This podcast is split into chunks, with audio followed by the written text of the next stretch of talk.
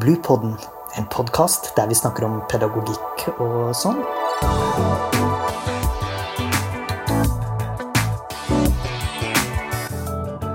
Podkasten er laget av barnehagelærerutdanninga ved Høgskolen på Vestlandet. Hei! I denne episoden skal vi snakke om samarbeid mellom barnehage og barnevern. Mitt navn er Sigrid Bøyum, og i dag har jeg med meg Tone Jørgensen, som arbeider på bachelor i barnevern i Sogndal. Tone, hvorfor er det viktig for barnehagen å ha et godt samarbeid med barnevernstjenesten? kan jo begynne å si at Barnevernet de har jo ansvar for å sikre at alle barn og unge som vokser opp i Norge, eh, får god omsorg og oppvekstvilkår. Og det, det eh, gjør barnevernet med å sette inn rett hjelp og tiltak til de familiene som trenger det. Eh, og I tillegg så har barnevernet òg ansvar for at barn som blir utsatt for mishandling, overgrep og alvorlig omsorgssvikt, skal sikres beskyttelse og omsorg. Og da er det lov om barnevernstjeneste, som òg ofte blir kalt for barnevernloven, som regulerer hvordan barnevernet skal forvalte det ansvaret. Men for å få kjennskap til om barn og familier trenger den typen hjelp, så er barnevernet helt avhengig av at andre som ser disse ungene, melder sin bekymring. Og barnehagen er jo da en av de viktige instansene som barnevernet er avhengig av å få melding fra. En vet jo at 90 eh, av alle barn mellom ett og fem år går jo i barnehagen. Sånn at de som jobber i barnehagen, er jo i en veldig unik posisjon til å få informasjon og observasjon om hvordan disse ungene har det.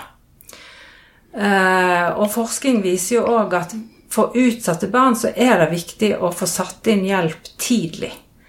Da har de mye bedre forutsetninger for å klare seg seinere i livet. Så Derfor så er det viktig at de to tjenestene har et godt samarbeid, sånn at barnevernet får vite om disse ungene som trenger hjelp fra barnevernet. Ja, hva tenker du er viktig for en som arbeider i barnehage, å vite om da å melde en bekymring? Det som kanskje kan være greit å starte å si noe om da, er jo hva barnevernet gjør når en mottar en sånn bekymringsmelding. Og her igjen så er det denne barnevernloven som setter reglene for hvordan barnevernet skal og kan jobbe med det. Og det første som skjer, det er at barnevernet gjør en vurdering av denne bekymringen.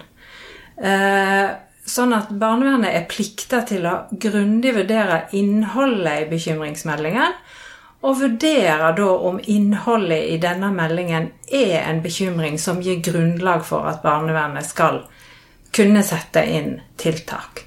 Og her gir loven barnevernet ei uke på å vurdere det, før de da må ta en beslutning om denne meldingen skal legges vekk, eller om man bør undersøkes videre.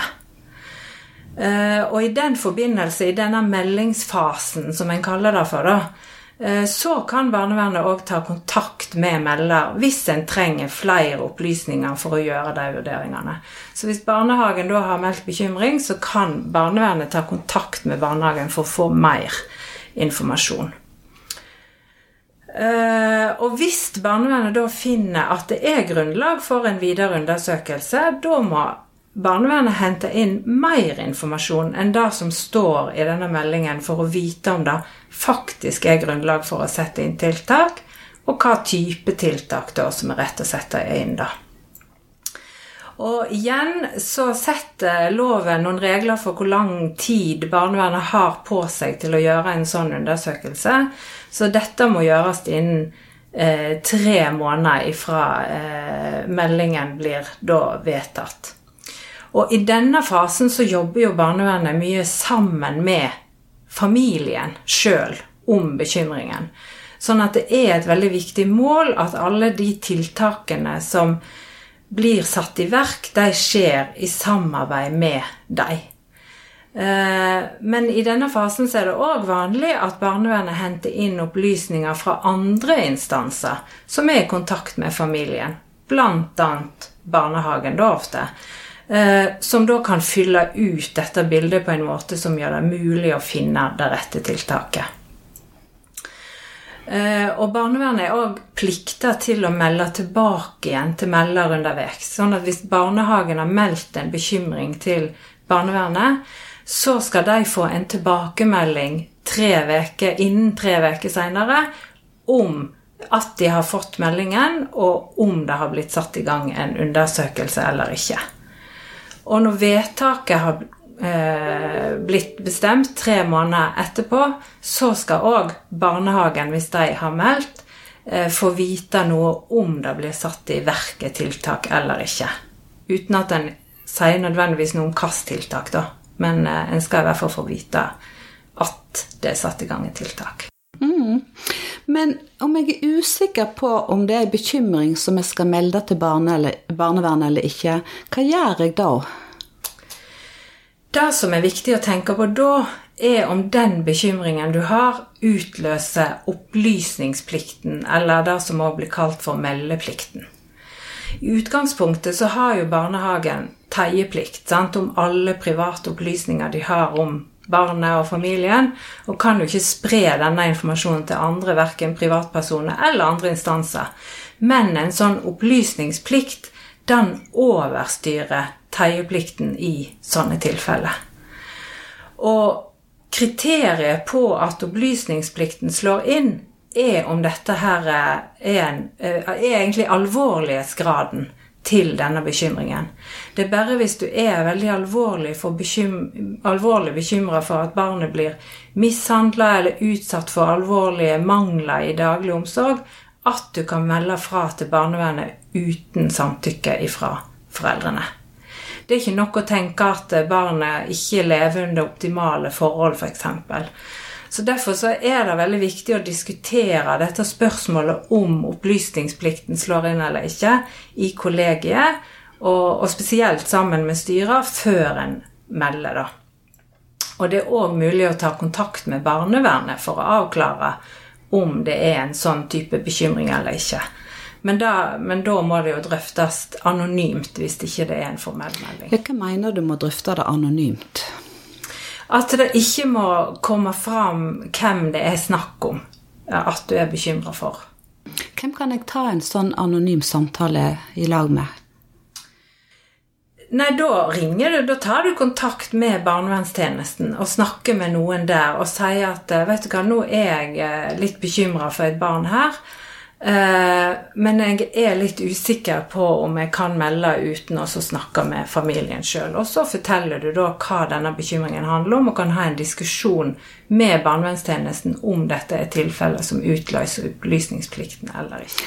Men hvis jeg er fra ei lita bygd, og det er ganske gjennomsiktige forhold, hva vil du råde eh, barnehagelæreren til å gjøre da? Ja, Det er et veldig viktig spørsmål, det der. For det er klart at det skal være reelt anonymt når du diskuterer det anonymt. Eh, sånn at du må jo på en eller annen måte prøve å anonymisere best eh, mulig og tenke gjennom hva må jeg gjøre for det. Et alternativ er jo at du tar kontakt med barnevernstjenesten i, i nabokommunen f.eks., der det er mindre sannsynlig at eh, det er lett å, å oppdage hvem er det du snakker om. da. Og så var du inne på dette med optimale forhold. Eh, kan du si noe om hva, du, hva som ligger i optimale forhold? Mm. Og da var jo i den forbindelse med at opplysningsplikten slår jo ikke inn hvis det er bare sånn at du tenker at det her kunne barnet hatt det bedre. Da tenker du kanskje at omsorgssituasjonen til barnet kunne vært eh, bedre, men at det handler ikke om fare for liv og helse. F.eks. at du tenker at foreldrene kunne trengt litt hjelp og støtte i oppdragelsen. Du ser kanskje at foreldrene er litt for ettergivende i grensesettingssituasjoner som blir litt sånn problematisk. Eh, klærne er kanskje ikke helt sånn som de burde være i forhold til årstiden og sånne ting, da. Eh, og, og, hvis en er mindre bekymra på denne måten, at en, en, tenker at de kunne hatt det bedre, da, at foreldrene kanskje kunne trengt litt hjelp da i utøvelsen av foreldrerollen, da er en jo avhengig av samtykke fra foreldrene sjøl for å kunne melde til barnevernet. Eh, og i sånne tilfeller så er det jo veldig viktig da å ha en god dialog med foreldrene. Sant? Der en kan snakke om denne bekymringen sammen med foreldrene. få til et godt samarbeid sant? Om, om hva kan være en god vei videre. Eh, og i en sånn type samtale så kan det kanskje være naturlig å snakke om barnevernet kan være til hjelp, og om det kan være et alternativ å, å sende melding sammen, da, eller til barnevernet. Ja. Mm. Det er jo et stort skritt å ta og sende en bekymringsmelding til barnevernet. Hvis jeg, men hvis jeg har meldt en bekymring uten da samtykke, og så viser det seg at barnevernet finner at det ikke er begrunna bekymring for at dette barnet blir utsatt for omsorgssvikt, har jeg da brutt taushetsplikten? Nei, det har du ikke. Du skal ikke være sikker på at det er omsorgssvikt. Det er det barnevernets oppgave å gjøre, den vurderingen der. Men det er veldig viktig at den bekymringen du da har, eh, er noe mer enn en vag mistanke. Han må være begrunna, og han må være konkret og dokumentert. Og nettopp derfor så tenker jeg at det kan være veldig lurt å diskutere den typen bekymring med andre fagpersoner, kollegiet. Ha jevnlige diskusjoner egentlig i kollegiet om dette. Eh, men òg barnevernstjenesten, før en melder. Eh, men, men, det jeg er veldig opptatt av, og det er jo at det som er viktig uansett, ikke legg bekymringen vekk. Fordi at det kan godt hende at denne familien trenger hjelp og har godt av hjelp. Men det er ikke sikkert at det handler om en sånn alvorlig tilfelle at en eh, ja, melder fra uten samtykke, da. Ja. Eh, har du noen råd til eh, barnehagen og de som jobber i barnehagen, på hvordan en kan trygge personalet slik at det, det blir, de blir tryggere eh, når de skal melde, eh, eventuelt diskutere en sak med andre? Mm. Altså Jeg tenker at det da er et ansvar som ligger til både barnehagen og barnevernet i lag. Det er utrolig viktig at barnevernet og barnehagen blir bedre kjent med hverandre.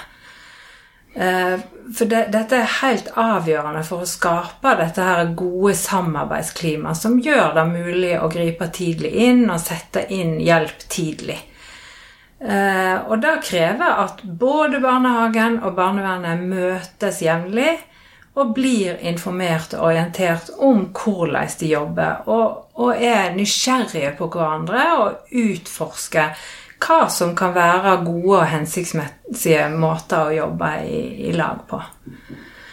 Um, og her vet jeg at det finnes veldig mange gode løsninger rundt omkring i, i kommunene for hvordan en kan få til sånne type møteplasser. Da. Veldig mange kommuner tror jeg har blitt veldig flinke på det. da. I noen kommuner eh, så har en f.eks. faste samarbeidsforum der flere tjenester som jobber med de samme barna og unge, møtes jevnlig for å drøfte hvordan en kan jobbe i lag og fange opp problem tidlig legge inn eh, forebyggende tiltak.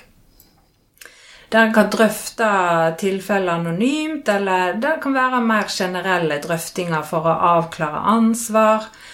Utvikle prosedyrer, hva gjør vi hvis vi blir bekymra osv. Så videre, sånn at en har en felles forståelse for hvordan en kan jobbe i lag med, med det. Eh, og dette kan være på sånn generelt nivå, men, men eh, det er òg viktig at en da får til eh, type samarbeid som knytter seg til enkeltsaker. Igjen er en jo avhengig av dette samtykket fra foreldrene da, om å få dele opplysninger om familien, men hvis en får det, så er det en veldig god idé at flere tjenester jobber i lag om familien og møtes for å orientere hverandre og koordinere den hjelpen som en, en familie får da ifra flere. Et, et, annet alternativ det er òg at eh, som kan gjøre et sånt samarbeid mellom barnehage og barnevern tryggere, er hvis barnehagen har en fast kontaktperson i barnevernet f.eks. Da viser det seg òg at det er mye lettere å ta kontakt hvis en, en, kjenner den en tar kontakt med. At det ikke bare blir et stort system, på en måte. Og det ser jeg som veldig positivt. Altså Det syns jeg høres veldig fornuftig ut. Det å ha en fast kontakt i barnevernet for å bryte ned litt grann, eh, barrierene imellom oss. Mm. Um, praksisfortellinger. Det å jobbe med praksisfortellinger i personalet, eh, hva tenker du om det? da tenker du å bruke liksom sånne case på en Ja. måte i å diskutere. Da tenker jeg er en utrolig god eh, måte å jobbe på. fordi at da er jo det en måte å jobbe anonymt på, og en får opp de der typiske problemstillingene som en kanskje står i, da. Eh, Og kan diskutere litt sånn fram og tilbake. Hva ville jeg gjort nå i en sånn situasjon? Og diskutert litt sånn fram og tilbake. For på den måten å utvikle noen gode prosedyrer og måter på i den barnehagen for å håndtere eh, sånne type bekymringer. Ja. Nå har vi jo vært innom flere interessante tema. Eh, Det er jo ikke så, vi, rekker jo ikke alt på en sånn kort stund, men er det noe du har lyst til å avslutte denne samtalen med? Ja, altså Barnevern det er jo et litt sånn sensitivt og betent tema. En hører veldig ofte, og kanskje spesielt i media, eh, om barnevernet som har overtatt omsorgen for et barn, og om foreldre som er veldig sinte og fortvila over sitt møte med barnevernet osv. Eh, og da er det veldig viktig å si at veldig mange, og faktisk så mye som 70% av de som får, har fått hjelp fra barnevernet, de er veldig fornøyd. Og de har veldig høy tillit til barnevernet. Og veldig mange barn og familier opplever at det å få hjelp fra barnevernet har bidratt til positive endringer. Det fins mye undersøkelser som viser disse tallene. Eh, Og for barn som opplever å bli utsatt for omsorgssvikt, så er det jo selvsagt veldig viktig at barnevernet kommer på banen. Sånn at eh, det òg er veldig viktig å tenke på når en jobber i barnevernet og kanskje har det der litt sånn negative inntrykket av barnevernet. At veldig mange er fornøyd, og det er ikke farlig å ta kontakt med barnevernet. Det skal ikke være farlig å ta kontakt med dem. Men det er klart at, eh, at tjenesten har tillit til hverandre, det er ekstremt viktig for at dette samarbeidet skal være godt. Og det gjelder mellom barnevernet og barnehagen, det gjelder mellom foreldrene og barnevernet og barnehagen. Sånn at det å liksom jobbe for at da samarbeidet skal bli best mulig, bygge opp tilliten gjennom jevnlig dialog og kontakt, da tenker jeg er eh, grunnlaget og plattformen som eh, skal, eh, må ligge der for at dette skal bli et godt samarbeid. Tusen takk for en fin og lærerik eh, samtale. Da sier vi takk for oss fra Tone og Sigrid.